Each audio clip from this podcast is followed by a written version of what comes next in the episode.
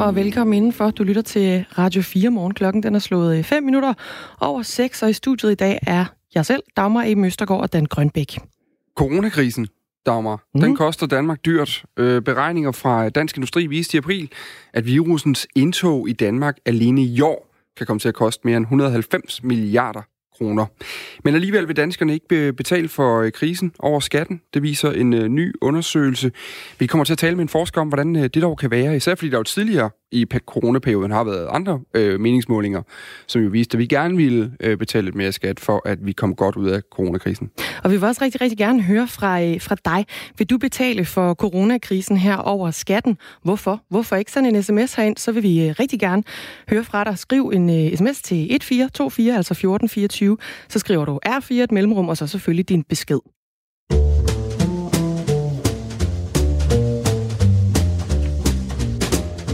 Moin.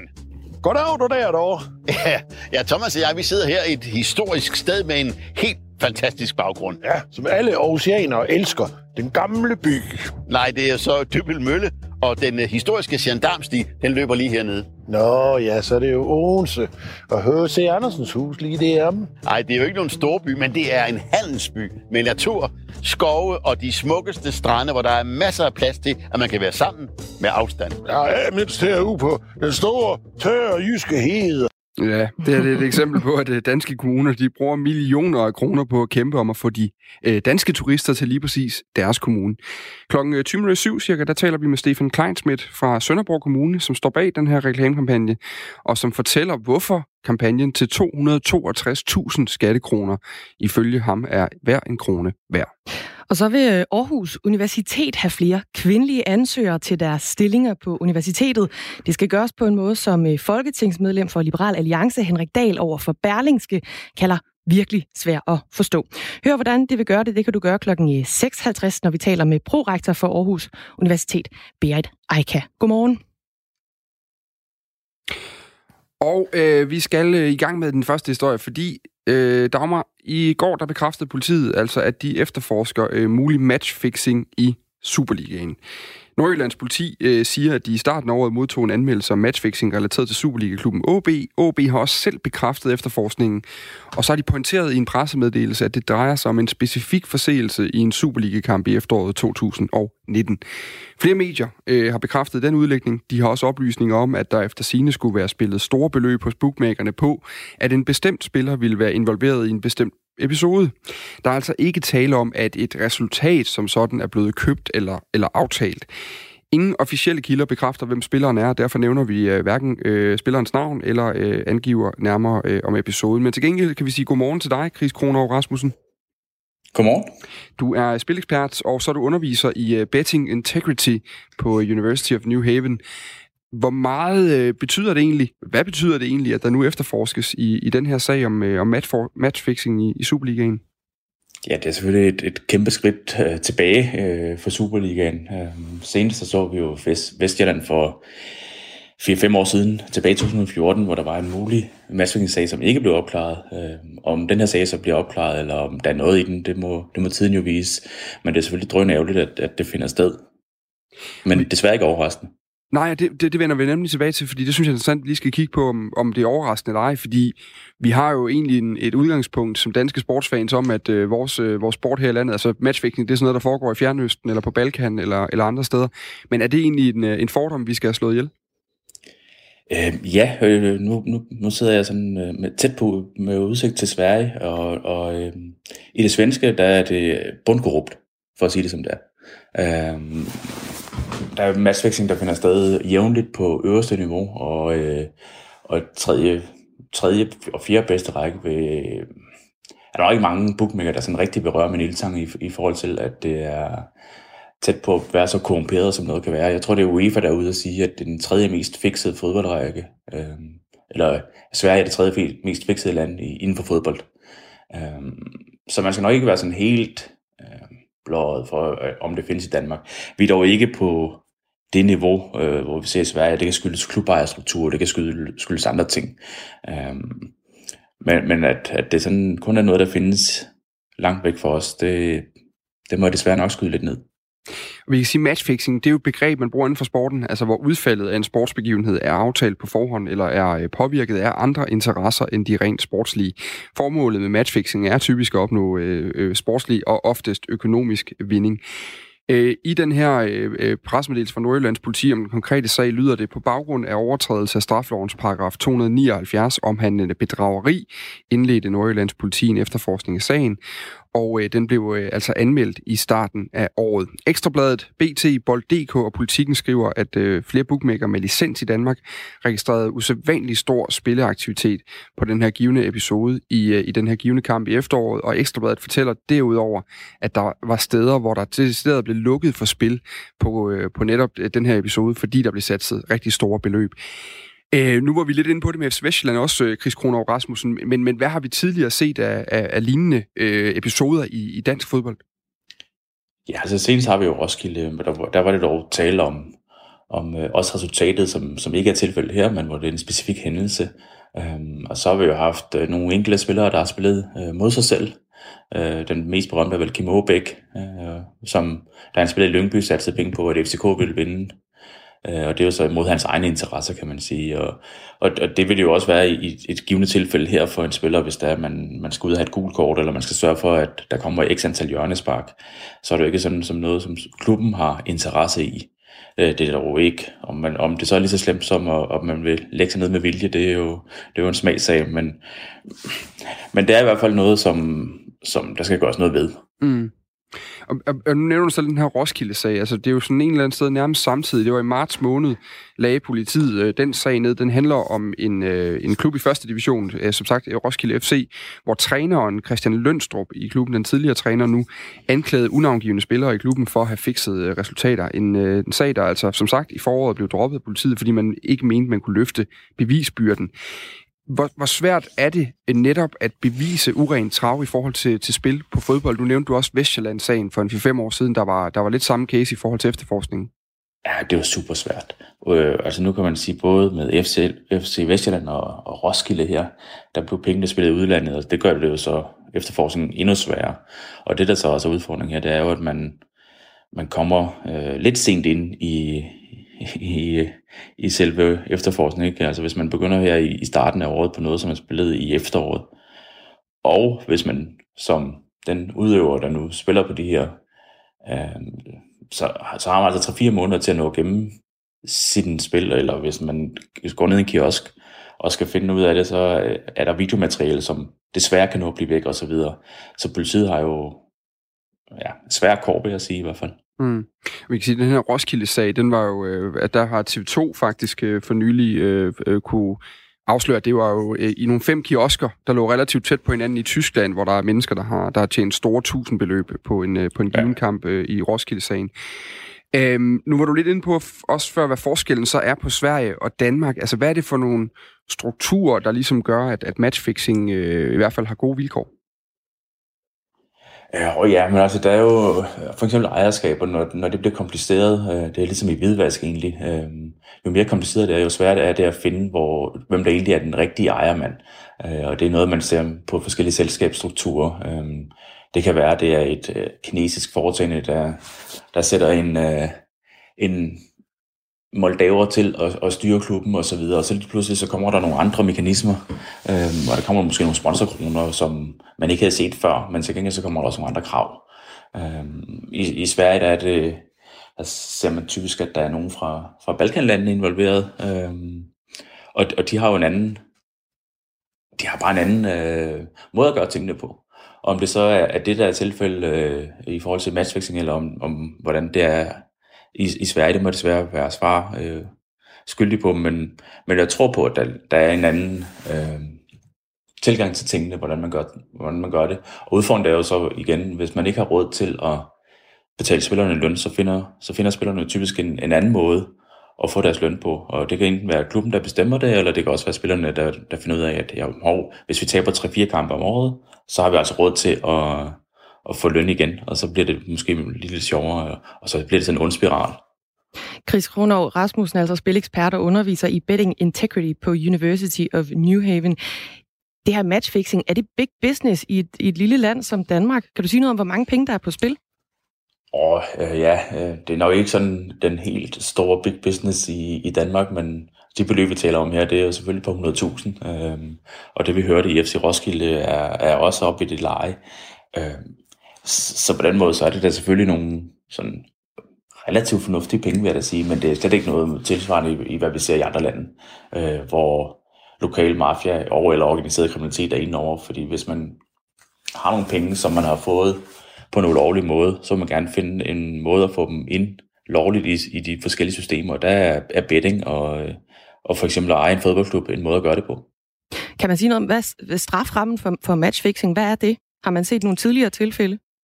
Ja, vi har desværre ikke så meget her i Danmark, kan man sige. Jeg tror, det var Kimoba, der fik 10 spilledages karantæne, ikke? Øhm, hvor man i, øh, i andre lande, der går man altså efter fængselsstraffe. Øhm, også det, man ser øh, i, i Sverige, hvor man prøver på at, at få, få bagmændene til, og der taler man fra halve år op efter, øh, om, det, om det, udfordrer lidt, at det er forskellige lovgivninger, der findes i de forskellige lande. Så for eksempel i Danmark, så prøver man på bytteriloven, øh, og andre steder, der har man en ren, en ren mandsfixing-lov, og, og nogle steder har man slet ikke noget lovgivning.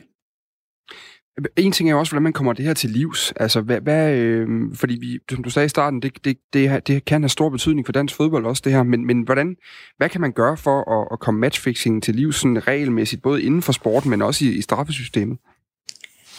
Altså først og fremmest skal politiet jo have lidt bedre vilkår. Øh, I efteråret der skrev jeg en kronik i politikken sammen med Declan Hill, øh, som jeg underviser sammen med, hvor man i hvert fald på, kan overvåge det danske spillemarked. Øh, det vil koste en 10-15 millioner om året, og så skal man selvfølgelig give enten Antidoping Danmark eller politiet, eller hvem der nu har mulighed for at efterforske de rette værktøjer. Det er så det, vi mener, vi har i hvert fald sådan lagt op til, man kan gøre. Og den anden, det andet ben er, er uddannelse. Øhm, alle klubber skal jo vide, hvad det her betyder, og alle spillere skal, skal have vide, hvad det betyder. Øhm, og det ved jeg også, at der er nogen, der er i gang med. Øh, Udfordringen er selvfølgelig, øh, hvor højt det er på agendaen. Tusind tak, fordi du var med her til morgen, Chris Kronov Rasmussen. Jamen selv tak. Altså spilekspert, øh, underviser i Betting Integrity på øh, University of New Haven. Og vi kan jo sige, som sagt, øh, den her øh, givende spiller, som bliver nævnt andre steder, altså det er kun en, øh, det, det, sagen er, er rejst nu for politiet, men efterforsker den, den bliver anmeldt i starten af året, og der er altså ikke noget øh, givet i, øh, endnu.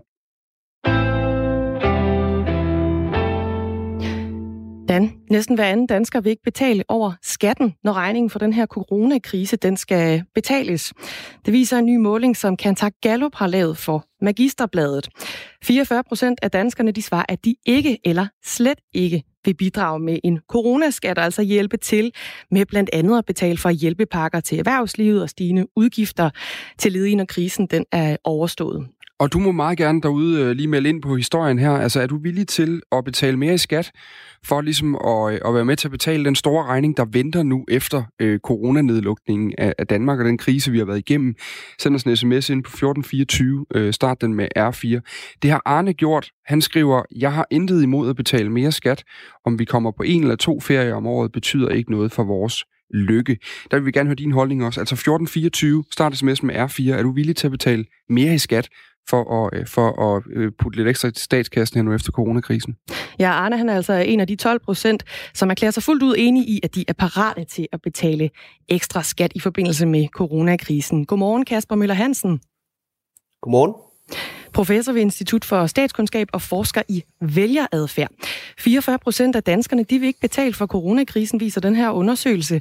Hvad siger det om danskerne, at øh, knap halvdelen de er altså ikke er klar til at betale coronaregningen? Det siger i hvert fald, at øh, der skal en, en del forklaring til, hvis politikerne vælger at sætte skatten op for at kunne betale for coronakrisen. Øh, normalt er danskerne ikke særlig villige til at betale skat, når man bare spørger sådan generelt. Så, så hvis man skal have danskerne med på ideen til at betale, så skal man altså nok være mere specifik i sin forklaring, end bare at sige, at, at det er sådan en, en, en bred skat til, til alle. Så skal man sige, så skal pengene gå til, til sundhedspersonale, eller til pædagoger, eller til, til til den kan man sige, meget specifikke område, så, så er danskerne meget mere villige. Men når det bliver sådan generelt, at man skal betale mere, så er danskerne oftest meget skeptiske, og det er de altså også her. Ja, vi kan sige, at beregninger fra Dansk Industri de viste tilbage i april, at coronakrisen kan koste Danmark mere end 190 milliarder kroner i tabt omsætning. Det svarer til ca. 33.000 kroner per dansker i år 2020. Også i april måned, der anslog Nationalbanken i et notat, at den danske stat skal finde finansiering for 250 milliarder kroner inden juli, for altså kunne dække de store hjælpepakker, der også er vedtaget i, øh, i Folketinget. Mindst halvdelen af de penge, de skal lånes, lød det i, øh, i det her i et notat. Ifølge Dansk Industri, der ramte krisen først virksomheder hårdest på deres hjemmemarked her i Danmark, men nu har den altså også fået hårdere fat i, øh, i eksportvirksomhederne. Der har været talt meget om samfundssind i de sidste måneder her under, under coronakrisen, men det samfundssind, det ser altså ikke ud til at gøre sig, gøre sig gældende her. Hvorfor tror du, at knap halvdelen af danskerne, de, altså, nu var du inde på det her med det specifikke, det her det er en relativ, altså, vi er fælles om den her coronakrise, hvorfor kan vi ikke også være, være fælles om at betale for den? Jo, men så er vi jo nok heller ikke mere fælles, når det kommer til stykket. I hvert fald ikke, når det kommer til vores egen øh, pengepunkt. Så lige pludselig så bliver vi, kan man sige, måske mere egoistiske. Øh, og ser på, kan man sige, hvordan øh, krisen har ramt skævt jo. Altså der er jo grupper, som er ramt meget hårdere end, end andre grupper. Øh, også bare rent geografisk i landet, der er der jo områder i landet, som er ramt, og så er der jo store dele af landet, som næsten ikke er berørt. Så, så lige pludselig så begynder man jo også at tænke på, at øh, øh, på måske sig, sig selv her i den her sammenhæng her. Og så er der også rigtig mange, som jo måske er, er blevet ramt så hårdt af den her krise, at de simpelthen ikke har råd til at betale, altså har ikke har råd til at være solidariske. Det er jo også en del af det. Så, så derfor så i, i samlet set, så, så øh, er det måske forventeligt, at vi kan se, at niveauet ikke er højere. Man kan også se, hvis man kigger lidt nærmere i tallene, at, at de højtuddannede er mere villige til at betale end, end de kortuddannede. Hvis man er til, kan man sige, til de, de blå partier, så er man mindre villig til at betale, øh, end hvis man er til de røde partier. Øh, så der er også, kan man sige, sådan et meget sådan et klassisk fordelingspolitisk aspekt i det her om, om hvordan man skal betale. Øh, og, og så kan man sige, bare i, i sidste uge, kan man sige, der diskuterede parti, partilederne jo højlydt, kan man sige, om det skal betales via skatten, eller skal man betale via det berømte rådrum via at lade økonomiens vækst, når den kommer i gang igen, betale for, for regningen. Vi har jo tidligere også haft økonomiske kriser i landet, øh, og, og, og hvor man ligesom, det er jo lidt det her med coronakrisen, der tænker man, det her det går ligesom ud over den sædvanlige, det sædvanlige politiske spektrum på skatteområdet, hvor de blå helst ikke vil betale mere i skat, og de røde har måske ikke så meget imod at sætte skatteprocenten op. Øh, har vi tidligere set kriser, hvor man ligesom kom ud over den her normale uenighed om skatten, men blev enige om, at, øh, at regningen er fælles, og procenten gerne må stige? Nej, altså det her med, at procenten skal stige, det, det, det bliver nok lidt svært. Hvis man skal kunne sælge den til danskerne, så skal man være specifik. Så skal man simpelthen sige, at det skal være penge til, til grupper, altså specifikke grupper, til sundhedspersonale eller øh, til, kan man sige, selvstændige erhvervsdrivende, meget specifikt i forhold til, hvis man har haft sin virksomhed lukket her i krisen osv. Så, videre, så, videre. så skal man altså være meget specifik, før at man, øh, før danskerne vil, vil acceptere det. Og så skal vi også huske på, at, at skat ikke nødvendigvis er den eneste øh, måde at betale på. Altså man, lige nu har vi jo, kan man sige, lånt pengene, øh, og, og så kan man jo vælge at betale dem tilbage over, over mange år, på den måde ikke være en regning, vi skal betale lige nu og her.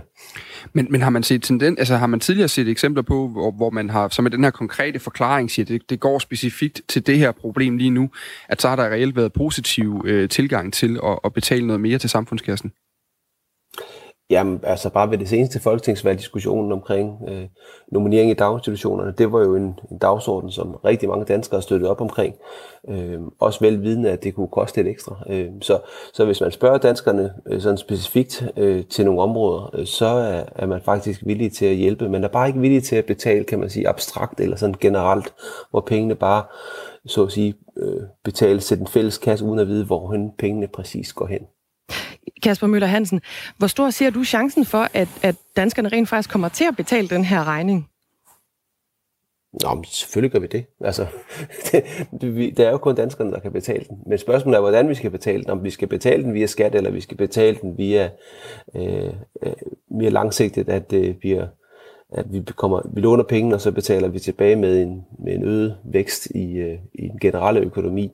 Øh, det er nok mere sandsynligt, end, end at man forestiller sig at sætte skatten op lige nu. Jeg tror også, at økonomerne er ude at sige nu, at, at det nok er en dårlig idé at, at sætte skatten op, hvis man gerne vil have sat gang i privatforbruget for at sætte gang i økonomien igen. Så jeg tror ikke lige, at, at, at, at, at politikerne står for, at skal sætte skatten op lige nu og her. Øh, men det er klart, på sigt, så, så skal regningen betales, øh, og, og det kan jo sådan set kun komme enten ved hjælp af på lang sigt via væksten, eller ved at vi betaler noget mere, eller ved at skære i den offentlige sektor generelt. Og det tror jeg heller ikke, kan man sige, de er, er populært i, i de her tider. Øh, vi kan sige, altså for, en, øh, for lidt mere end en halvanden måned siden, øh, den 7. april, der lavede øh, Tænketank Sevea, eller fik lavet en meningsmåling af Megafon, hvor, øh, hvor man også spurgte danskerne ind til det her spørgsmål, og, øh, og den viste, at 4 ud af 5 danskere, 79 procent, siger, at de er enige i, at øh, politikerne på det tidspunkt skulle gøre alt, hvad de kunne for at begrænse konsekvenserne af coronaepidemien i Danmark, også selvom de skulle betale en procent mere i skat.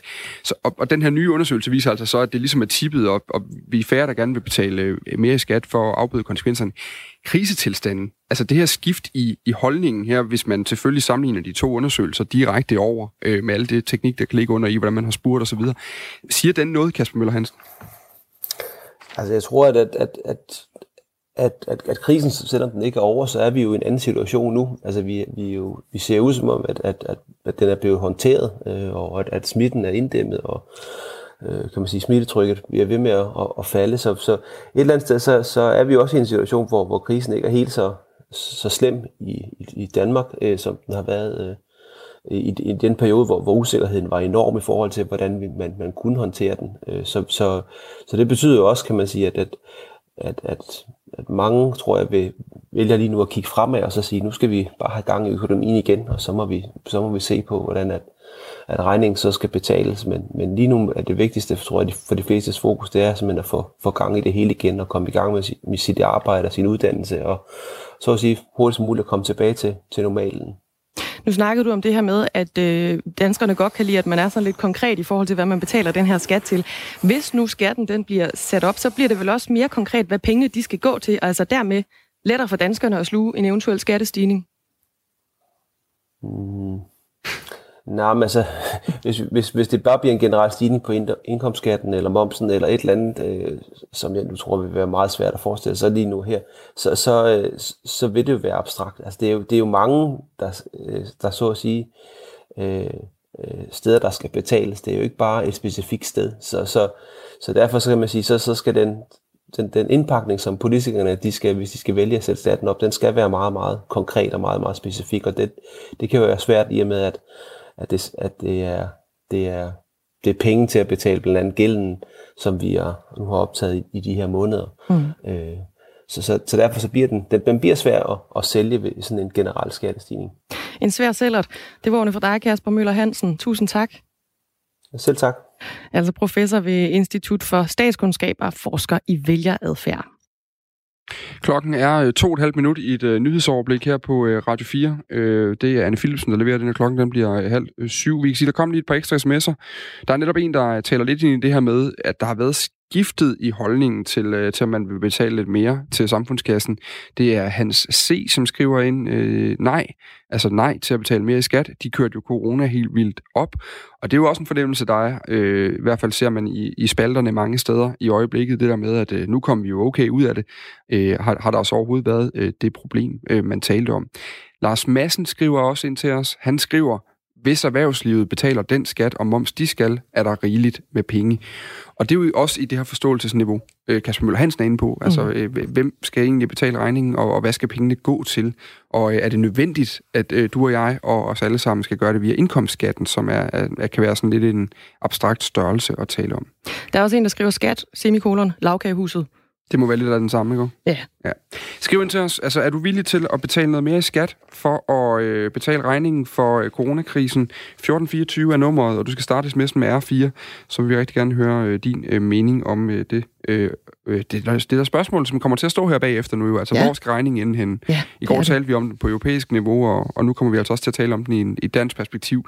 Og det er altså en kæmpe regning. Det er 190 milliarder kroner, øh, der, skal, der skal betales på den ene eller den anden måde. Hvis man spreder det ud over alle danskerne, så bliver det 33.000 kroner per dansker i år. Mm. Ja, Nationalbanken, som vi lige sagde lidt tidligere, det er jo altså også et ret markant notat. Altså det her notat, der kom fra Nationalbanken i april, hvor de anslog, at den danske stat skal, spille, skal finde finansiering bare for 250 milliarder mm. inden juli for at kunne dække de her hjælpepakker, der er vedtaget. Øhm, det er altså regningen, der, der, der lander på den anden side. Anne Philipsen, hun er smuttet i studiet. Klokken den er øh, blevet lige præcis 30 sekunder i klokken halv syv, og det betyder altså, at vi øh, lige på forkant hugger os et øh, nyhedsoverblik.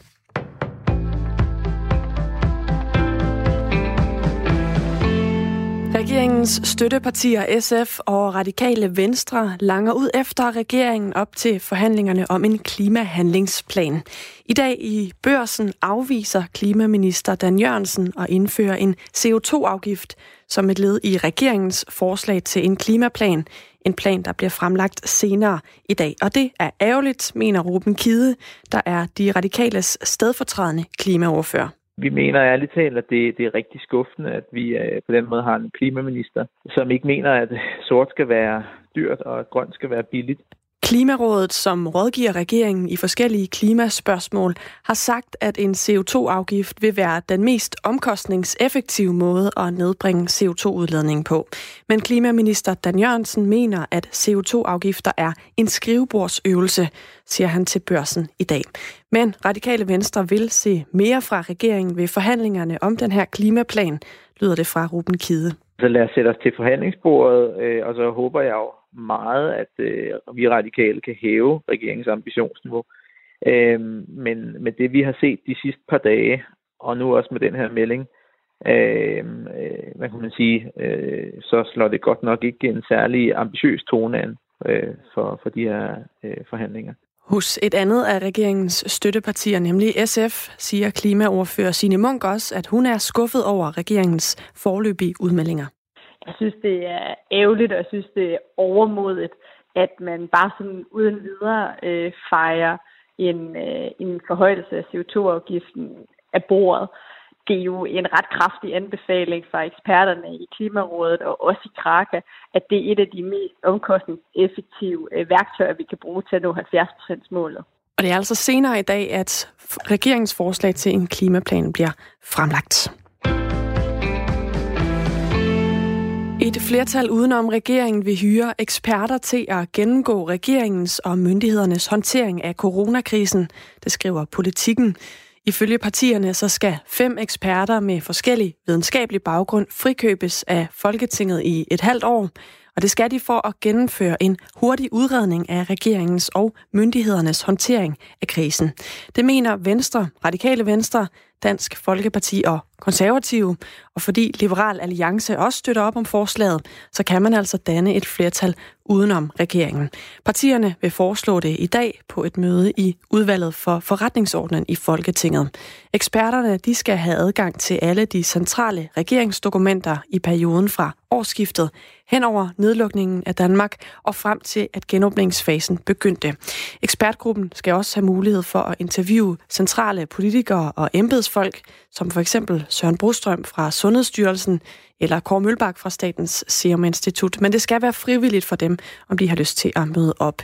Statsminister Mette Frederiksen har selv tidligere argumenteret for, at man skulle lave en evaluering af coronaindsatsen, men uden at præcisere præcis dens indhold ifølge hende. Fagforeningerne for offentligt ansatte overvejer at udskyde overenskomstforhandlingerne.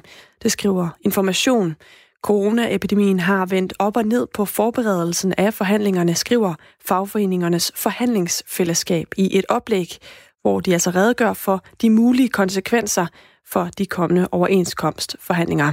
Forhandlingerne skulle være afsluttet i 2021, men ifølge et flertal i det her forhandlingsudvalg, så anbefales det, at man forlænger den nuværende overenskomst, og så udskyder forhandlingerne om den nye til 2022. I diskussionsoplægget om forløbet for overenskomstforhandlingerne for næste år står der blandt andet, at der i de seneste ugers, at de seneste ugers og måneders økonomiske krise har ændret forudsætningerne for overenskomstforhandlingerne for de offentlige ansatte, og at det er svært med så stor økonomisk sikkerhed at gennemføre en traditionel, et traditionelt forhandlingsforløb, lyder det.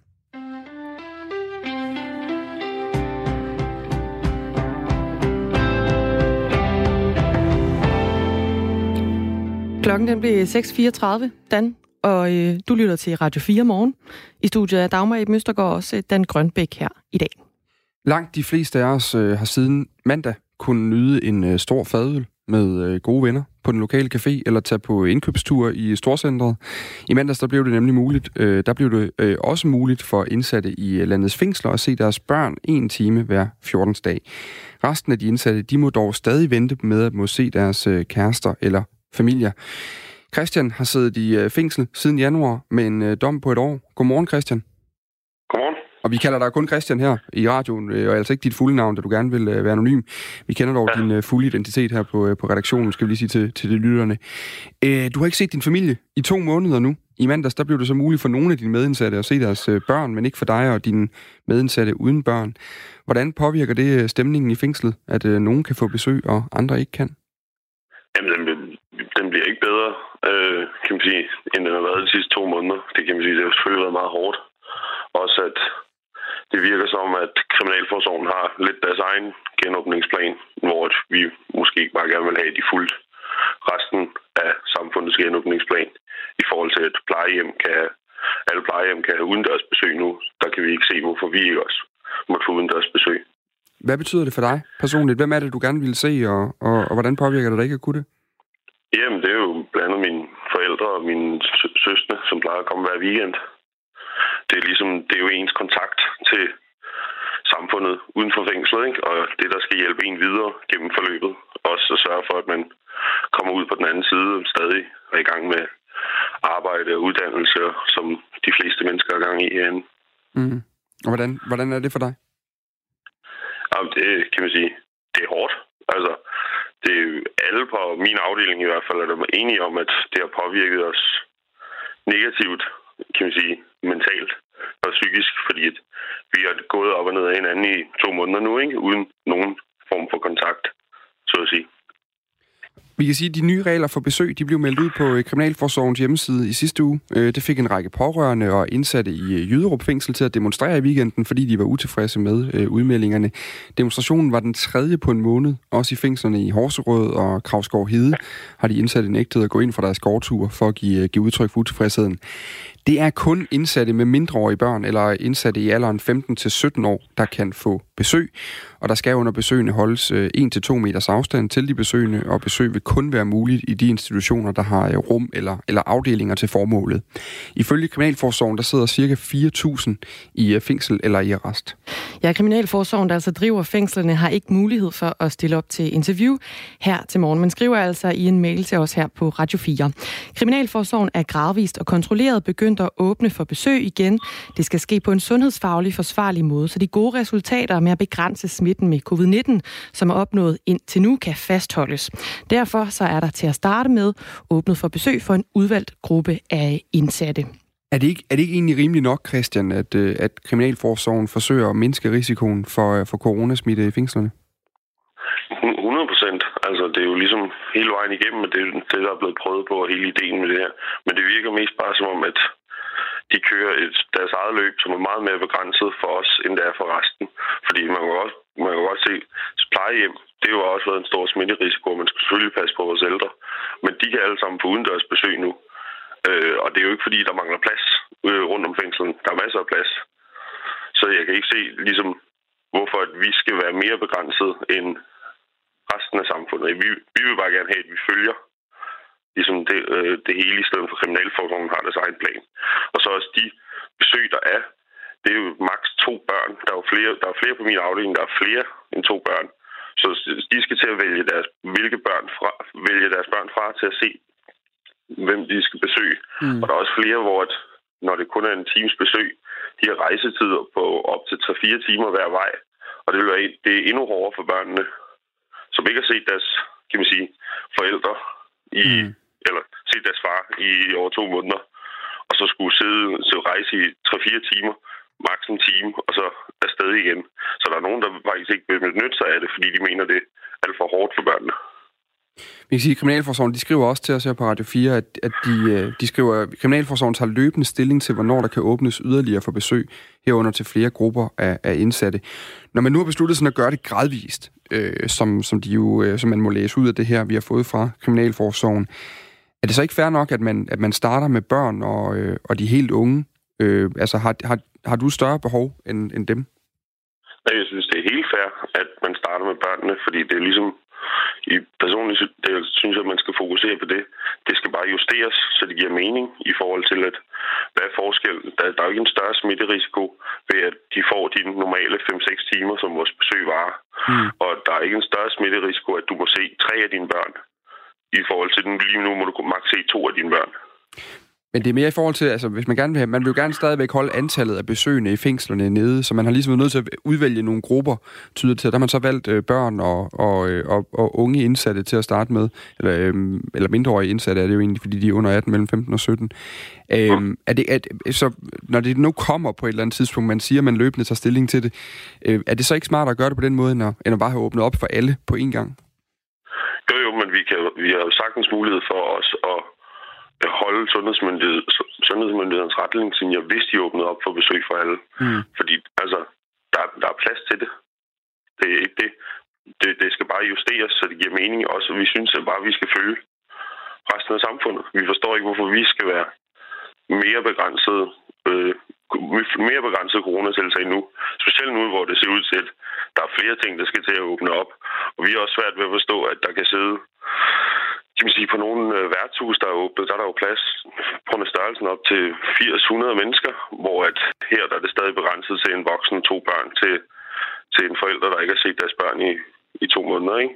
Hvor at det, det er som om, at det lige skulle justeres lidt, så det giver mening, og ikke, det er sådan, fordi det virker som, det de har indført nu, det er noget, der vil passe for en måned siden. Christian, nu er, det ikke, altså nu er det ikke for at være fræk, men nu snakker du om, at de er mere begrænsede end resten af samfundet. Er det ikke også, kan man sige, et vilkår i, at man sidder fængslet? Jo, jo, men altså, det er fængselsreglen, den accepterer vi fuldt ud. Det har vi. Altså, under alt det her, vi har aldrig brokket os over at sidde i fængsel. Det, det er ligesom, vi, vi, vi, vi har lavet noget lort, vi er blevet dømt, vi sidder i fængsel. Den præmis accepterer vi fuldstændig. Det er mere bare, jeg, det, jeg, jeg tænker selvfølgelig mest bare på, at det er godt, de åbner op for dem med børn. Øh, men at der skal sidde en forældre og vælge, hvilke, hvilke af hans børn han vil se først, og så vente 14 dage. Det synes jeg ikke er i orden.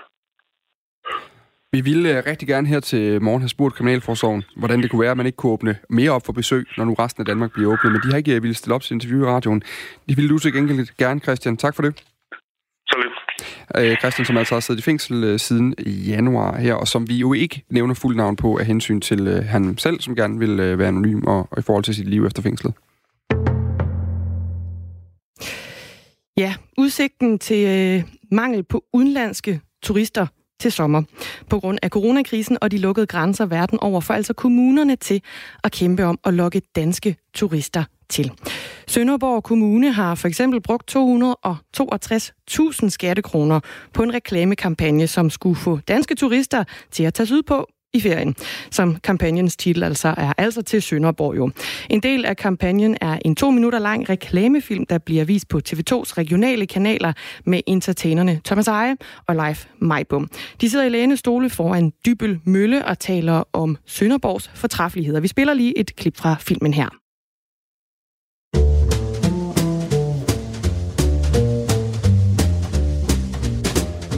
Moin. Goddag, du der, dog. Ja, ja, Thomas og jeg, vi sidder her i et historisk sted med en helt fantastisk baggrund. Ja, som alle oceaner elsker. Den gamle by.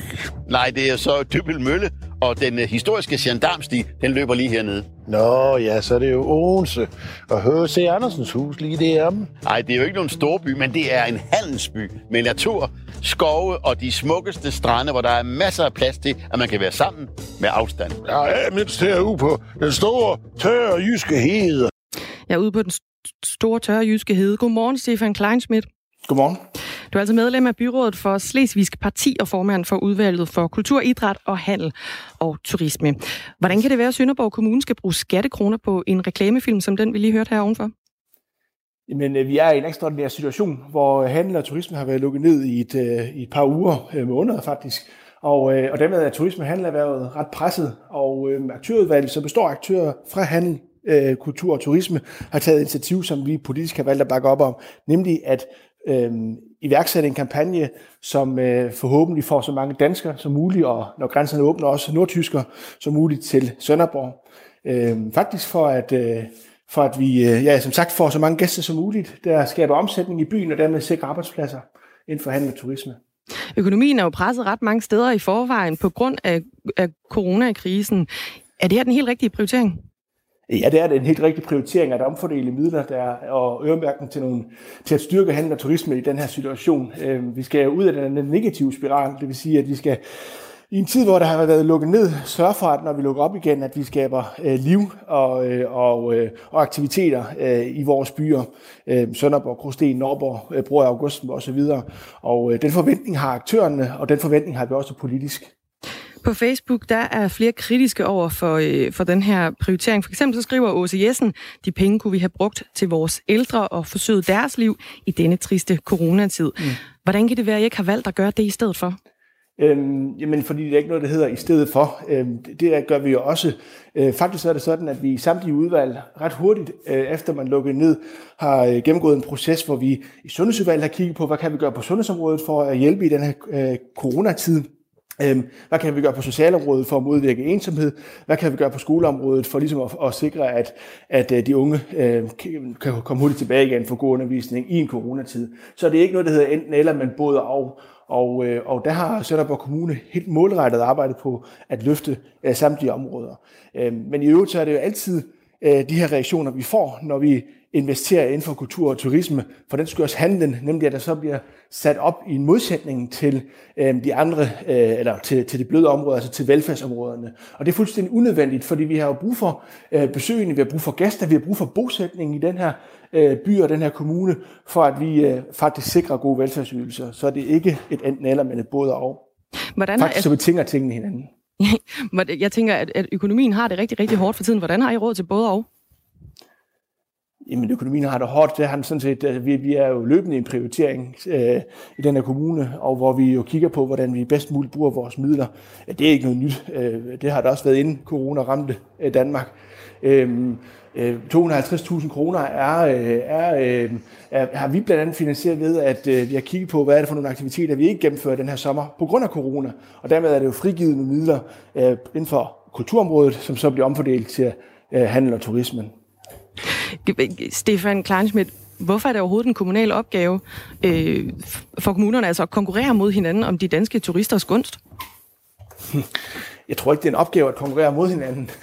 Det er præmissen, øh, betingelsen, at vi alle sammen ønsker at øh, have nogle øh, byer, der får nogle besøgende, nogle gæster, der skaber omsætning og dermed sikrer arbejdspladser. Øhm, det er erhvervsfremme tiltag, som vi også ser inden for øh, for det private erhvervsliv, hvor vi jo har erhvervscentre rundt omkring, men vi har altså også turistservice og turistcentre. Vi samarbejder også i destinationer, øh, som, øh, som, øh, som markedsfører området. For eksempel for os er det Destination Sønderland, hvor vi sammen med de sønderjyske kommuner markedsfører øh, vores fortræffeligheder og vores styrkepositioner, gør opmærksom på vores landskab, gør opmærksom på vores historie, gør opmærksom på vores fødevare. Øhm, det er en, øh, også en kommunal opgave. Nogle vil mene ikke en kerneopgave, men det er også en kommunal opgave. Og vi kan sige, at den her reklamefilm er jo resultatet af en reklamekampagne, som øh, Sønderborg Kommune, øh, hvis Sønderborg og Handelsstandsforeningerne har, har sat i gang. Derudover så er 10 fynske kommuner også gået sammen om en turismekampagne, der kommer til at koste i omegnen af 3 millioner kroner. Og øh, Visit Lolland Falster har i samarbejde med det lokale turismeerhverv afsat 3 millioner kroner til markedsføring også. Vi spiller lige lidt af Lolland Falster reklame her. Verdens bedste sandstrand. Verdens bedste safari. Verdens bedste friske luft og danskeste æbler i hele verden. Verdens bedste tropiske klima. Stefan Kleinsmith, altså I kæmper jo i de forskellige kommuner øh, på lidt forskellige måder. Kan vi også høre, der var lidt mere øh, amerikansk actionfilm over øh, den for Lolland Falster her. Om de samme kunder ude i kommunerne, og, og nu vil vi bare lige lave en hurtig hovedregning her, så er det i hvert fald 6 øh, millioner i de to andre steder, og så 262.000 nede for jer. Hvordan kan det være fornuftigt at kæmpe om de samme kunder og bruge offentlige penge på det fra forskellige kommuner? Jo, så er der jo mange, du siger det selv, mange, mange andre øh, kommuner, der, der er i gang. Vi har selv også ladt os inspirere af Varde Kommune. Fredericia er i gang med at, øh, jeg tror, investere 1,3 millioner øh, inden for handlen. Øh, det er jo, fordi vi alle ser, at det er en nødvendighed efter en nedlukning, at ikke kun få åbnet op igen, men få åbnet op og gøre opmærksom på vores fortræffeligheder. Det gør vi sowieso også i andre øh, tider. Øhm, her er der bare en ekstraordinær situation. Øhm, og så må man jo sige, at det ene, den, ene, det ene, den ene aktivitet ikke kan stå uden den anden. Så sådan en kampagnefilm, der bliver selvfølgelig også suppleret op med nogle annoncer, der bliver også suppleret op med at skabe aktiviteter i bymidten. Ikke kun for vores gæster, men også for vores borgere. Øhm, og, øh, og dermed skabe anledning til, at man kommer hertil. Øhm, det, det har man altid haft en interesse i. Øh, vi samarbejder med handelsstandsforeninger rundt omkring i Danmark. Vi styrker vores bymøde rundt omkring i Danmark for at sikre, at der er en handel, øh, for at sikre, at der er en aktivitet, øh, for at sikre, at der er nogle bosætningskvaliteter. Øh, det, er ikke, det er ikke noget nyt, og, og de her beløb er faktisk øh, øh, i det samlede billede øh, øh, helt naturligt. Ja, altså, det er ikke, øh, men det er jo stadig mange ikke... penge, der bliver brugt på tværs af kommunerne, for egentlig at kæmpe om de samme danskere, og så er det bare, hvilken kommune de så tager på ferie i. I det samlede ja. samfundsregnskab på den anden side af det her, så kommer vi til, nok til at mangle nogle penge, som så er blevet brugt på egentlig at, at sørge for nogle turister, øh, to for eksempel fra Varde til Sønderborg. Jo, men dem er, underkender du jo faktisk, at det har en værdi at tiltrække turister og tiltrække borgere til, den her, til det her område. Øhm, og, og det er en forkert præmis efter min mening. Mm. Øhm, øhm, du, kan, du kan have ret i, at hvis, hvis, hvis den kritiske masse ikke er stor nok, øh, så er der selvfølgelig, så er der selvfølgelig øh, en, så er der, så er der stor konkurrence om, om de samme øh, hvad skal man sige, steder, eller så de samme gæster. Øhm, og derfor siger vi også, at så snart grænsen åbner, så, øh, så rykker vi øh, mod syd med vores kampagne og har nogle øh, og klar med nogle annoncer. Det vil andre kommuner sikkert også gøre, og der har vi bare en geografisk fordel ved at være tæt på, mm. øhm, og allerede i dag øh, er ret kendt øh, umiddelbart syd for grænsen, og, og, og, og heldigvis også en, en rejsedestination, eller destination for, for, for mange andre. Øhm, du spørger, om det er fornuftigt. Øh, hvis du spørger mig, så er det fornuftigt. Jeg synes også, det er en nødvendighed. Øh, hvis vi vil handlen i, i vores byer, hvis vi vil turismen i vores kommuner, så skal vi selvfølgelig også gøre noget for, at, øh, at, øh, at, de har, at, de, at der er en omsætning, at der er nogle gæster, øh, og vi har mulighed for at profilere os. Øh, det har været sådan, inden øh, corona ramte os, inden vi blev ramt af corona-knytnævn, og, øh, og nu rejser vi os igen og, øh, og, øh, og fortsætter. På Sønderborg Kommunes Facebook-side, der har reklamefilmen fået massiv kritik med kommentarer som øh, pinligt ringe, mm. tokrummende, øh, og det her indslag skræmmer jo mennesker væk. Hæv lige IQ-niveauet, og øh, en skriver, sagt på ja. sønderjysk, så er den reklamefilm, undskyld mit sønderjyske, alt for dysløs skruet sammen, alt for dysløs skruet mm. sammen. Det er en ommer. Ja. Synes du selv, den her reklamefilm, den er sjov? Øhm, øh, man har gjort brug af satire, og, øh, og, og, og nogle er mere modtagelige end andre for, for satire. Øh, og dem, der er modtagelige, vil selvfølgelig også øh, nå budskabet. Man skal huske på, at den her film ikke er lavet til os selv, der bor i Sønderborg. Vi skal ikke nødvendigvis identificere os med den her film. Det kan vi, fordi det, den bliver optaget på et sted, som vi alle har et, øh, et forhold til, og som vi kender. Øh, men først og fremmest så vil vi jo pir til nysgerrigheden, og vi vil skabe, ja, pir til nysgerrigheden og skabe interesse for vores område. Og så bliver den jo, den kampagnefilm jo underlagt med en henvisning til både øh, Visit Sønderborgs hjemmeside, annoncen, hvor vi faktisk gør alt det, som de øh, også på, i kommentarerne øh, beder os om, nemlig at vise vores fortræffeligheder, vise vores styrkepositioner. Mm. Og det er det, vi gør med en, øh, hvad skal man sige, med, med, øh, med nogle aktiviteter, nogle elementer i kampagnen. Øh, Stefan Kleinsmith, helt kort her til sidst. Mm. Tror du, den her øh, reklamekampagne, den får flere turister til Søborg? Sønderborg, undskyld. Ja, det, det, det satser jeg på, og, øh, og, øh, og, og ellers vil vi ikke have iværksat den. Øhm, men men det, man skal sige, selvfølgelig skal den måles. Vi skal måle effekten på sådan en, øh, en kampagne. Vi skal evaluere den og se, om vi skal ændre noget fremadrettet. Men, men her og nu tror jeg på, at den kan have en positiv effekt, og dermed skabe omsætning, aktiviteter og sikre arbejdspladser. Tak skal du have, Stefan Kleinschmidt, fordi du var med her til morgen. Gerne. Medlem af byrådet for Slesvigske Partier, altså formand for udvalget for kultur, idræt, handel og turisme, og det er i Sønderborg. Og nu skifter vi lokalitet til øh, Aarhus, fordi Aarhus Universitet vil rigtig gerne ansætte flere kvinder. Derfor har universitetet nu sendt en øh, handleplan i høring, som indeholder forslag til, hvordan man kan få flere kvinder ind i medarbejderstaben. Blandt andet foreslår universitetet, at begge køn skal være repræsenteret blandt de kvalificerede ansøgere til en stilling. Er de ikke det, skal de pågældende stillingsopslag genopslås. Ordvalget i stillingsopslag skal derudover screenes for kønnede ord og være mere inkluderende. Godmorgen, Berit Eika. Godmorgen. Du er prorektor på Aarhus Universitet. Hvor mange gange er I villige til at genopslå en, øh, en stilling for at få en kvindelig ansøger? Øh, for det første så regner vi da ikke med, at det bliver øh, nødvendigt at gøre ret tit. Øh, og gør vi det, så vil det øh, være et enkelt genopslag. Vi, øh, det her det er det vigtige, det er at sige, at der skal altså ske et, et godt arbejde øh, med at opsøge øh, også kvindelige kandidater øh, første gang. Mm. Så jeg regner ikke med mange genopslag. Hvis I nu får 20 kvalificerede mandlige kandidater, og ingen kvinder til en given stilling, så genopslår I stillingen, bare lige for at forstå det. Øh, det kommer selvfølgelig fuldstændig an på, øh, hvad det er for et, for et fag og hvilket forarbejde, der er gjort. Jeg vil ikke udelukke, at der kan komme, at man så siger, at her laver vi en undtagelse, fordi vi har været ude og støve op, og vi har været i kontakt med potentielle kvindelige kandidater, men ellers er princippet ja, så genopslår vi. Hvor, hvor, hvorfor, var jeg ved at sige? Vi øh, vil, som, som du indledte med at sige, rigtig gerne have, have flere øh, kvinder ansat. Vi tror på, at det giver et øh, bedre arbejdsmiljø. Jeg kan også høre, at I er både en mand og en kvinde i studiet. Øh, Øh, og øh, vi mener, at både kvinder og mænd har talenter, og dem vil vi gerne øh, tiltrække. Og vi ved også, at hvis kvinderne først kommer, så er der også en stor sandsynlighed for, at de, de får stillingen, den er lige så stor som deres mandlige ansøgere. Så øh, det er især det her med at tiltrække og få kvinder til at søge, der er en hødel for os. Og nu skal det ikke blive en diskussion om, om, hvordan man fylder et radiostudie, men på de modsatte uger, øh, hvor der, mig og Dagmar er her, der sidder Kasper og Jakob jo i studiet, og de, jo, de laver jo også radio. Hvor, hvorfor er det et problem, hvis der ikke har været en kvindelig ansøger til en stilling, at man så har to mænd?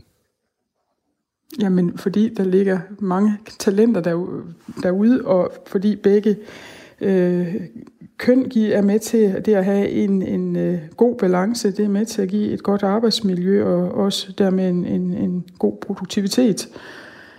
Men hvis der så ikke er nogen, der søger jobbet, og man så ansætter, altså så, et eller andet sted, så giver det jo normal mening, at man arbejder mere autokratisk med sådan noget her og siger, jamen de ansøgere, der har været, der kigger man på, hvem der er mest kvalificeret, og så tager man dem ind. Hvorfor, hvorfor er det ikke kvindernes eget ansvar, om de søger et job i første omgang? Det er også kvindernes eget ansvar, men hvis vi lægger nogle barriere ud øh, ubevidst, så øh, får vi heller ikke øh, ændret på det. Og så vil jeg også sige, hvis, hvis øh, din, dem, der sidder i teknikken, øh, også i fremtiden skal ind, der skal være nogle flere kvinder, så er det også vigtigt, at man på uddannelsesstederne, vi driver både forskning og uddannelse, øh, Øh, har nogle rollemodeller, og specielt på, på, på tekniske og naturvidenskabelige fag, der er der en, en, en mangel på kvinder, der er en, i det hele taget en stor mangel på den slags arbejdskraft i samfundet, øh, og kunne vi tiltrække nogle flere kvinder den vej, øh, mm. så synes vi faktisk, vi har gjort et godt stykke arbejde. Vi kan lige sige ganske kort, at i dag er der på Aarhus Universitet 150 øh, kvindelige professorer mod 493 mandlige. Der er 537 kvindelige lektorer mod 921 mandlige, mens der er 155 kvindelige adjunkter mod 219 øh, mandlige. Andelen af de øh, kvindelige forskere på de danske universiteter er steget fra 27 procent i 2007 til 34 procent i 2017. Der står også i den her handleplan, at øh, stillingsopslag skal formuleres, så det ikke i sig selv introducerer en skæv kønsfordeling blandt de kvalificerede ansøgere. Det skal afprøves, om det har effekt at lave sproglig kvalitetssikring af stillingsopslag gennem et digitalt redskab, som kan kvalitetssikre stillingsopslag ved at screene teksten for, og nu bliver det vigtigt, sproglige stereotyper, kønnede ord og bidrag til en mere inkluderende sprogbrug. Hvad betyder det her, Berit Eike?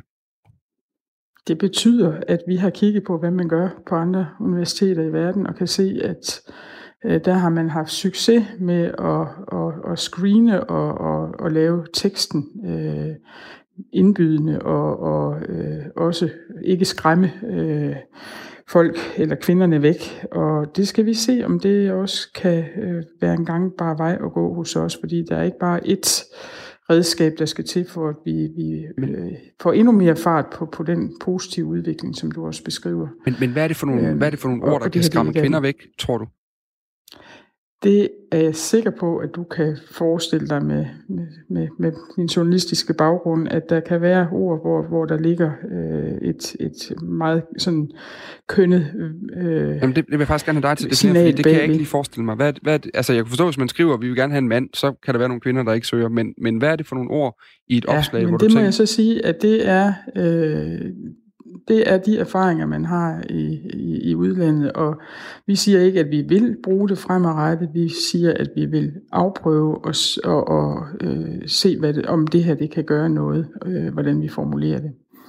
Men, men igen, hvad er det? Vi ved hvad... også, at kvinder har en tendens til at synes, at de skal opfylde øh, samtlige øh, kvalifikationskrav i en ansøgning i modsætning til, til mænd, og der kunne det jo godt være, at vi, selvom vi kunne øh, altid ønsker at få, få superwoman eller supermand ansat, Men, at vi øh, skal kigge på, hvordan det er, vi sætter øh, ønsker til, til kvalifikationer op, for eksempel. Men, men det giver jo god mening. Der kan man jo så skrive i bunden, at du behøver ikke leve op til samtlige. Altså, øh, du må gerne søge, selvom du ikke nødvendigvis mm. kan tække det hele af. Men hvad er det for nogle ord, bare lige her til sidst? Altså, er der et eksempel på et ord, hvor du som kvinde for eksempel ikke ville søge, hvis det stod i et opslag? Vi skal til, vi skal til at afprøve det her redskab.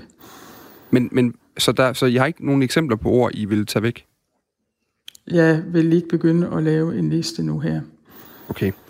I hvert fald øh, tak, fordi du var med her til morgen, Berit Eike. Ja, velkommen. Prorektor, altså velkommen. på øh, Aarhus Universitet. Øh, det her forslag til den her handleplan, det sendes nu i høring, og efter planen skal det vedtages i slutningen af august. Der har, der har været noget øh, kritik allerede fra politisk side. Det er Henrik Dahl blandt andet fra Liberal Alliance, som er ved at kalde det her for, for underligt. Øh, og, og, øh, og egentlig, jeg synes, det var et mærkværdigt forslag. Vi er tilbage på den anden side af nogle nyheder, der kommer her.